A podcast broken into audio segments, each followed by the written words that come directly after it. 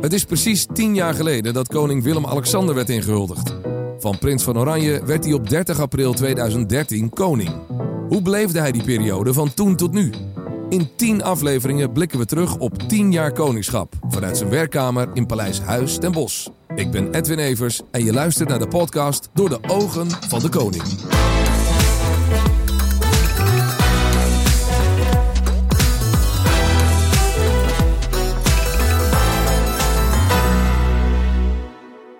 Majesteit, aflevering 2. Absoluut. We gaan uh, praten over het jaar uh, 2014. Ja. Uh, zijn er zo dingen die u zich nog herinnert uit 2014, als ik het jaartal noem? Of moeten we maar gewoon even door de feitjes heen lopen? Ja, 2014 was natuurlijk een jaar met een zeer groot traumatische ervaring voor Nederland, MH17. Ja. Um, maar ook hele mooie momenten in 2014. Dus ik, ik zeg, trap af en, en ga je gang. Trap af, laten we het doen. Laten we eens luisteren naar de feitjes van 2014. In 2014 worden de eerste euro's met de beeltenis van de koning gesmeed. Viert hij zijn eerste Koningsdag en gaat hij voor het eerst op staatsbezoek naar Polen. Het was het jaar waarin Oranje met Louis van Gaal de halve finale haalde op het WK voetbal. En ook het jaar dat de wereld fel reageert op de ontvoering van honderden meisjes door Boko Haram. En in de VS breekt grootschalig onrust uit na de dood van de zwarte tiener Michael Brown. Maar 2014 zal voor Nederland vooral de geschiedenis ingaan als het jaar van Ruslands annexatie van de Krim en het neerhalen van vlucht MH17, waarbij alle 298 inzittenden om het leven komen. Dat was 2014. We gaan het straks uiteraard uitgebreid hebben over eh, MH17. Eerst een paar andere feitjes uh, uit dat jaar, want er kwam een euromunt met uw gezicht daarop. Ja, en met Hoe was een, dat? Dat was uh, heel bijzonder. Met name Erwin Olof als kunstenaar. Ja. Een man die als fotograaf bekend staat. Ja. Die uh, geselecteerd werd om de munt te maken. Dat vond ik ja. wel heel bijzonder. Heeft u daar dan zelf nog inspraak in? Van hoe u erop uh, staat? Ik heb ze wel mogen zien. Ik heb zelf wel commentaar op mogen geven. Maar uiteindelijk is de staatssecretaris formeel die daarover bepaalt. Maar u zit niet van nou, die lijkt echt voor geen meter. Die, die, dat wordt hem niet. Nee, zo, zo, zo zit ik niet aan met de wedstrijd. Ik kijk meer toch naar, naar het totaalplaatje. Ja. Maar ik was, ik was erg verbaasd. Een fotograaf uh, die ik persoonlijk ook ken. Dus wat leuk dat hij meedeed. En dat laat ook zien dat, dat je over de grenzen van je eigen kunst heen... toch ook uh, op topniveau kan presteren. Ik had nog even opgezocht, maar ik had me eigenlijk nooit gerealiseerd... de, de ja, zeg meer over mij natuurlijk, maar over de, de hele symboliek. Want uw hoofd is verdeeld in allemaal vlakken. Ja. Die het verkavelde landschap van Nederland symboliseren. Ja. Prachtig. Ja. Maar ik dacht wel bij mezelf, nou, ik komt in 2014 komt die, is die munt. En u staat daar met uw gezicht op. En toen dacht u, ik laat mijn baard staan. Al die munten opnieuw. dat, dat valt wel mee, denk ik. Een munt uh, is tijdloos. Die moet veel langer meegaan dan een baard meegaat. Want die baard gaat er nog een keer af, of? Dat weet ik niet. Nee. Wie, wie gaat erover eigenlijk? Uh, daar ga ik over natuurlijk. Maar, maar u heeft vier dames in huis. Die vinden ja, maar, daar ook allemaal wat van, hè? Maar ik heb het scheerapparaat in de hand. het scheermes. Dus daar kunnen, zij, daar kunnen ze wat van vinden. Maar... ja. Er zijn heel veel dingen zijn natuurlijk dan de eerste keer. Ja. Een eerste kersttoespraak, een eerste staatsbezoek, eerste Olympische Spelen in, uh, als koning. Daar had u er al heel veel van gedaan natuurlijk. Dus daar had u al de nodige ervaring. Nee, helaas heb ik er weinig gedaan. Nou, eigenlijk nooit. had u dat wel gewild? Ik heb bezocht en georganiseerd, maar, nooit, weinig gedaan. Maar nooit gesport. Maar wel mee georganiseerd natuurlijk in uh, Vancouver. Nou ja, dat uh, moet ook gebeuren. Ja. ja, want u heeft een groot sporthart. Hè? Ja. En dan gaat u naar Sochi en dan bent u daar. En dan uiteindelijk, waar gaat het over in 2014? De foto met Poetin. Ja. Hoe kijkt u daarop terug? Die avond was een diner van NOC-NSF met sponsors. Heel ergens anders in Sochi. En uh, kregen een telefoontje dat uh, Poetin had besloten om aanwezig te zijn die avond rond het Heinekenhuis. Ja. Met de vraag of ik daarbij aanwezig kon zijn. We hadden het jaar daarvoor hadden we het uh, Nederland-Russische vriendschapjaar gehad. Ja, dus u had hem al eens Het was heel veel fout gegaan. Ja. Ik had hem al meerdere keren ontmoet. Is een staatsbezoek geweest ook hier in Nederland. Ja. En we waren toen in uh, 2013 in november op bezoek geweest in het Kremlin. Uh, aan het eind van het vriendschapjaar. Ja. Was het ook echt beleid van de Nederlandse regering om uh, de vriendschap met Rusland weer aan te halen. Ja. En dat hebben we toen een diner gehad in november. En uh, daarom was ook het verzoek of ik echt wel aanwezig kon zijn in het Holland Heinekenhuis die avond. Om Poetin te ontvangen. Ja. Maar ja, wij wisten natuurlijk niet dat hij een maand later uh, de Krim binnen zou vallen. Nee. En ook niet dat er een paar maanden later natuurlijk zijn troepen MH17 neer zou halen. Nee. Als we dat geweten zouden hebben, dan was het ook anders geweest. U zou er nu niet meer naartoe gaan. Dat beslist u natuurlijk niet, maar Dat beslist ik niet, maar Nee. wat als? Maar, u wist wel, hier komt gedonder van. Nee, dat wist ik niet. Want dat kon niemand weten. Niemand kon weten dat de Krim binnengevallen zou worden. Niemand Nee, maar hij was op dat moment natuurlijk ook niet helemaal onomstreden. Nee, maar we waren aanwezig in, eh in Sochi. We waren aanwezig bij de opening. En eh, ja, er waren, er waren problemen, maar daar wordt over gesproken. Kijk, als je eh, alleen nog maar naar Noorwegen, Zweden of Denemarken kan gaan... omdat je helemaal overal over eens moet zijn met andere landen... dan kan je niet veel landen meer bezoeken en nergens meer zaken mee doen. Dus je kan eigenlijk overal naartoe als het om Olympische Spelen of voetbal toernooien gaat. Ehm, kijk, er zijn altijd zaken waar je over moet kunnen blijven praten. En als er gemeensverschillen zijn, als er problemen zijn... moeten die bespreekbaar zijn. Overal naartoe, dat niet altijd kunnen. Nee, dat is zeker niet waar. Waar ligt de grens? Eh, de grens moet per keer bekeken worden. Het hoofdthema van 2014, u benoemde het eigenlijk al even een beetje in de intro. Een, een inktzwarte bladzijde, denk ik, in de Nederlandse geschiedenis. Ehm, de ramp, ja, het neerhalen van de, de MH17. Bijna 300 mensen komen om het leven. 196 Nederlanders komen door die aanslag eh, om het leven. Waar was u toen u het hoorde? Het was een prachtdag. Ik was uitgenodigd door VDL om, in, eh, om Netcar te openen. En het was een groot feest. En eh, in de auto terug uit Limburg kwamen de eerste berichten door op de radio. Dan, nee, dit, dit is echt fout. Dit is echt helemaal fout. MH17, codesharing met KLM, dus heel veel Nederlanders. Ja. Een hele populaire vlucht. Eh, Elke laatste stoel die er was op zo'n vlucht is gewoon ingenomen door een Nederlander. Ja. Dan weet je gewoon, dit is echt, echt fout. Dus ja, ik heb niet eens gewacht tot ik uh, telefoons ben me meteen gaan bellen. Jongens, eh, ga maar even samen zitten. Ga maar even brainstormen, want dit wordt heel groot. En heel Wie belt u dan op zo'n moment? Op dat moment heb ik nou, de algemeen secretaris gebeld bij mij. de RVD en het kabinet van de koning. Ze zeggen, ga maar eventjes alvast samen zitten, want eh, dit is zo verschrikkelijk wat hier gebeurd is.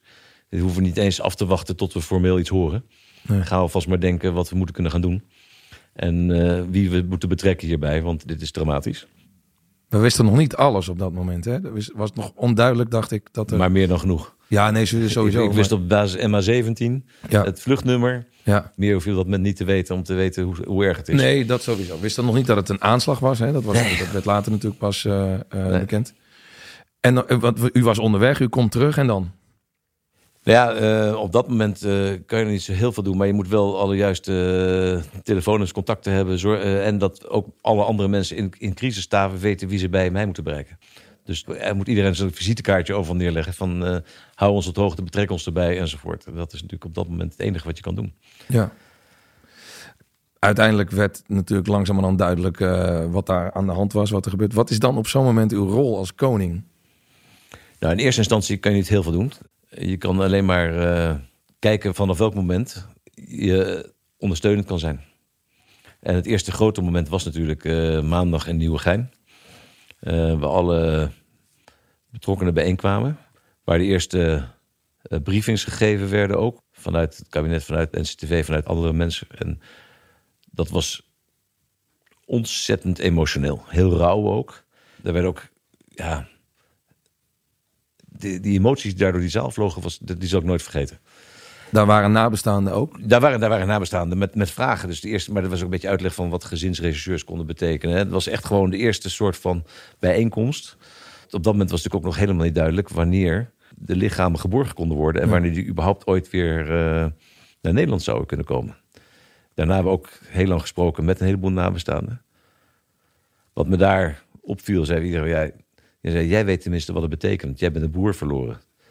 Jouw gevoel accepteren was echt. Dat vond ik wel heel bijzonder. Dat je gewoon wel echt een, een rol van, ja, toch eh, medeleven en, en, en Had u dat zelf ook, dat gevoel van, ja, doordat ik zelf het nodig heb meegemaakt, kan ik me Eh. beter verplaatsen in die mensen? Of Op dat moment niet.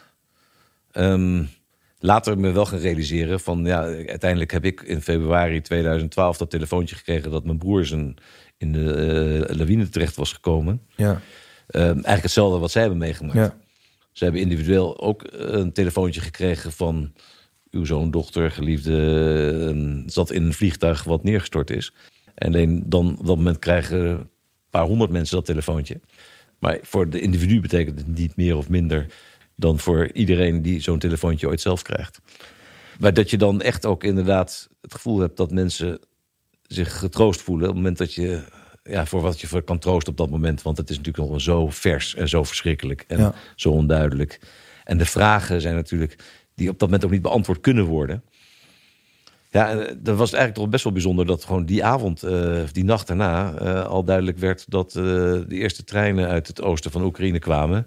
En dat de eerste slachtoffers geborgen konden worden. En dat inderdaad toen op die woensdag eh, de eerste vliegtuigen al aankwamen op Eindhoven. Ja. Ehm, ja, dus eh, om dat ook mee te maken daar. zien- en al die gezichten weer van die mensen die twee dagen daarvoor een nieuwe gein had gezien, die daar, die daar zaten. En gewoon echt, ja, de pijn en de, het verdriet en de ellende die je daar zag. Met het moment dat die eerste kisten uit die vliegtuigen kwamen. Dat is, ja, dat vergeet je nooit meer. Nee. Ik vroeg me af, u bent, u zei net al, ik, ik heb 46 jaar de tijd gehad om me voor te bereiden op het koningschap. En, en dat heeft u vast heel intensief gedaan. Maar dit zijn toch dingen, hier kun je onmogelijk op voorbereiden. Hier kan je onmogelijk op Nee, voorbereiden. maar dit is zo persoonlijk. Dit is zo eh, wat- hoe je zelf... Ja, dit, hier kan je niet op voorbereiden. Nee. Nee. Ik heb natuurlijk wel, ik heb de stille tochten in Volendam meegemaakt na de cafébrand en in, in Enschede na vuurwerkramp. Ik ben de dag na de Belmer ben ik met mijn moeder meegegaan naar de Belmer. Dan, dan heb je hetzelfde soort eh, ja, rouw en ellende en, en, en, en, en woede en, en alles meegemaakt. Maar daar kan je niet voorbereiden. Is dat dan gewoon, ik, moet, ik doe dit op gevoel? Ja, Ja. ja. Als je compassie met mensen hebt, als je, dan, dan kan iedereen dat. En dan ben je toch een symbool en een soort van, ja, echt op dat moment ook even een teken van verbinding en samenbinding voor een heleboel mensen op zo'n moment. Ja. Voor andere mensen ook niet. Sommige mensen hebben er helemaal geen behoefte aan. Dat is ook prima. Ja, net als de vorige keer gaan we ook in deze aflevering eh, een vraag van buitenaf laten horen. eh, verwoord in een voice memo. Deze week komt die blik van buiten van Piet Ploeg. En Piet verloor drie familieleden bij de ramp met de MH17 en werd voorzitter van de stichting Nabestaande MH17. Hoe kijkt hij terug op de rol van de koning in de nasleep van het drama?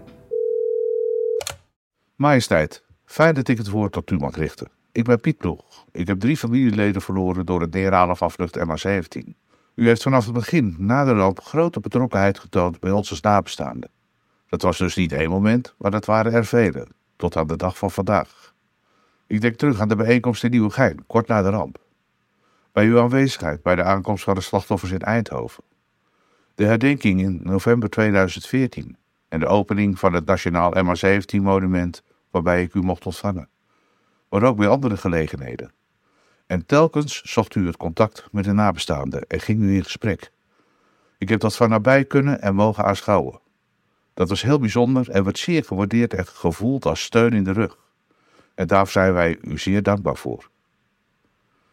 Zo zijn er helaas de laatste tijd veel gebeurtenissen waarbij mensen in grote problemen en verdrietige omstandigheden zijn geraakt. Zichtbare en voelbare steun van u als koning kan daar veel steun bieden. Dank u wel. Ja, Ja, tot en met eh, een bezoek in Straatsburg eh, vorig jaar. Waar eh, de Raad van Europa zich uitsprak over deze zaak. En daar waren ook de nabestaanden van NMA17 bij.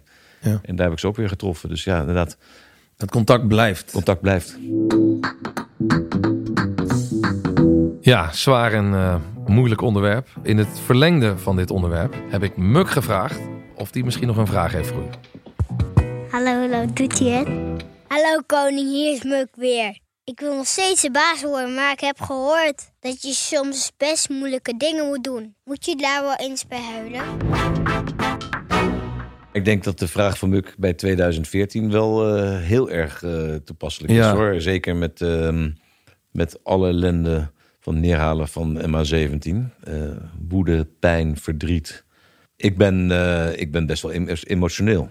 Als ik andere mensen zie, eh, zie huilen van echt gewoon rouw, verdriet en, en pijn en, en lijden, dan, dan heb ik het best wel moeilijk om, om droog te houden. Ik denk dat ik wat dat betreft blij mag zijn dat ik in de 21ste eeuw leef, waar het tonen van emoties wat minder, ehm, zwak wordt gezien dan in het verleden. Dat zo zeggen. Ja. Het is juist sterk, toch? Ja, maar het verleden werd als zwakte gezien. En, en ik ben blij dat dat in de 21ste eeuw toch echt anders gezien wordt. Dat Ja. het tonen van emoties, eh, dat het mag. Ja. Ik, ik schaam me er ook niet voor, moet ik zeggen. Ik schaam me er niet voor. Ik, eh, dat heb ik ook eh, met een Latina als vrouw, die natuurlijk ook heel emotioneel kan zijn. Dat delen we wel. Dat is mooi. Ja. Want dit gaat dan over het verdriet van anderen Ja, en uw eigen verdriet. ja nee, maar het, dat, eh, ik, vind het, ik vind het geen probleem om eh, emoties te tonen. En dat, en dat, dat merk ik ook wel. Dat, zeker als je het verdriet van anderen ziet, dat doet me echt wat. En dat, eh, Ja. Zijn er ook wel eens taken waarvan u denkt, nou, dit is ook om te huilen? deze zag ik even weer niet komen. Nee, ik zag hem ook niet aankomen, maar. Nee, dus, nee, de, de- er zijn natuurlijk een heleboel taken die gewoon erbij horen en die gewoon eh, En die niet elke leuk zijn. week komen en eh, die, die soms minder leuk zijn dan, dan andere keren. En, maar het, het blijft altijd afwisselend. Het, het, eh, je ontmoet altijd andere mensen en leuke mensen en soms minder leuke mensen. En soms is het heel lastig om een, een, een, een, half uur of drie kwartier lang met iemand te praten. Een andere keer is de tijd zo voorbij. Ja, dat gebeurt nou eenmaal zo. Hoe is dat nu? Het duurt een eeuwigheid. we schieten er doorheen. door We zitten tijd. doorheen. Ja. Ja, een van uw taken, dat is volgens mij een taak die, nou, ik weet niet, weet niet of die dagelijks voorbij komt, is ondertekenen van wetten. Wetten en besluiten, die Ja. komt dagelijks voorbij. Is dat dagelijks? Dat is dagelijks, Want ja. om hoeveel wetten gaat het, dat- worden er jaarlijks door u ondertekend? Ehm, ik zou het, exacte aantal weet ik niet eens hoor. Dat Maar voor uw gevoel? Nou, dat gaat om, om vele honderden. Ja? Ja, en besluiten en alles. Ja, ja absoluut. Ja. En weet u dan precies wat u ondertekent? Of, of komt daar dan een samenvatting van? Daar komt is- samenvatting van. Ja, ja. ja. En die leest u allemaal? Die lees ik. Ehm, maar als je gewoon het nieuws volgt, weet je van de meeste dingen wel die er aankomen. hè. Dus dat is. ehm, En hoe volgt u het nieuws? Ik volg het nieuws eh, online, via de kranten, via televisie, op allerlei verschillende manieren. Ik ben Ja. wat dat betreft ook wel een beetje een nieuwsjunk. Ja. Dus ehm, ik ben redelijk bij wat dat betreft. Dus het meeste wat op uw bureau komt, dat denkt u, oh, dat komt me bekend voor. Ja, maar het zijn natuurlijk heel vaak ook hele technische dingen, uitwerkingen vaak van, van wet en regelgeving. En dan, is het, eh, dan komt het niet zo bekend voor. Maar de, gewoon de grote dingen, die komen eigenlijk allemaal wel bekend voor. Er zitten ook wel eens wetten tussen waarvan u denkt, nou, daar ben ik het absoluut niet mee eens. Maar ja, ik moet die handtekening zetten. Dat is niet relevant. Nee, dat snap ik, maar Als het proces goed gegaan is, Ja. dan ben ik degene die daar voor het proces ja. de handtekening onder zet. Ja, en dan kan u het er wel mee eens of niet mee eens zijn. Dat maakt niet Dat is uit. niet relevant. Maar dat is natuurlijk wel eens zo. Dat is niet relevant. Nee, dat is niet relevant. Ehm, want wat, wat, het zijn wetten. En wat, wat, wat zijn nog meer voor eh, officiële stukken die, waar u Nou, het, zijn, dagelijks... het zijn besluiten, maar het zijn ook eh, dus koninklijke onderscheidingen. Die, eh, we hebben natuurlijk een, een heel uniek stelsel waar iedereen in Nederland voor iemand anders een lintje aan mag vragen. Ja. Maar uiteindelijk komt er wel mijn handtekening onder. En dan lees je natuurlijk van allerlei mensen die verder nooit in het zonnetje staan. Die, iets, die toch iets bijzonders hebben gedaan voor de maatschappij. Ja. En daar zie je dan ook de samenvattingen van wat die mensen gedaan hebben. En dat is, dus dat is toch wel bijzonder. Leuk, leuk, dat vind ik ook echt leuk om te lezen. Want daar lees je echt bijzondere dingen bij. ja. Ik heb er ook een gekregen. Die moeten tussendoor geglipt zijn. Ja. Daar is even wat misgegaan. Maar ze zetten alleen maar de samenvatting van de belangrijke mensen erop. Ja, dus die van mij heeft u nooit gelezen. Ehm, ja, dit was eh, 2014. Het was een eh, jaar met hele leuke dingen en een, ja, een aantal eh, eh, afschuwelijke dingen, trieste momenten. Ik wil het jaar graag afsluiten. Ik wil u bedanken voor eh, eh, het praten over dit jaar. En eh, ja, graag Tot tot, in de vol- 2015, hè? Ja, tot in 2015.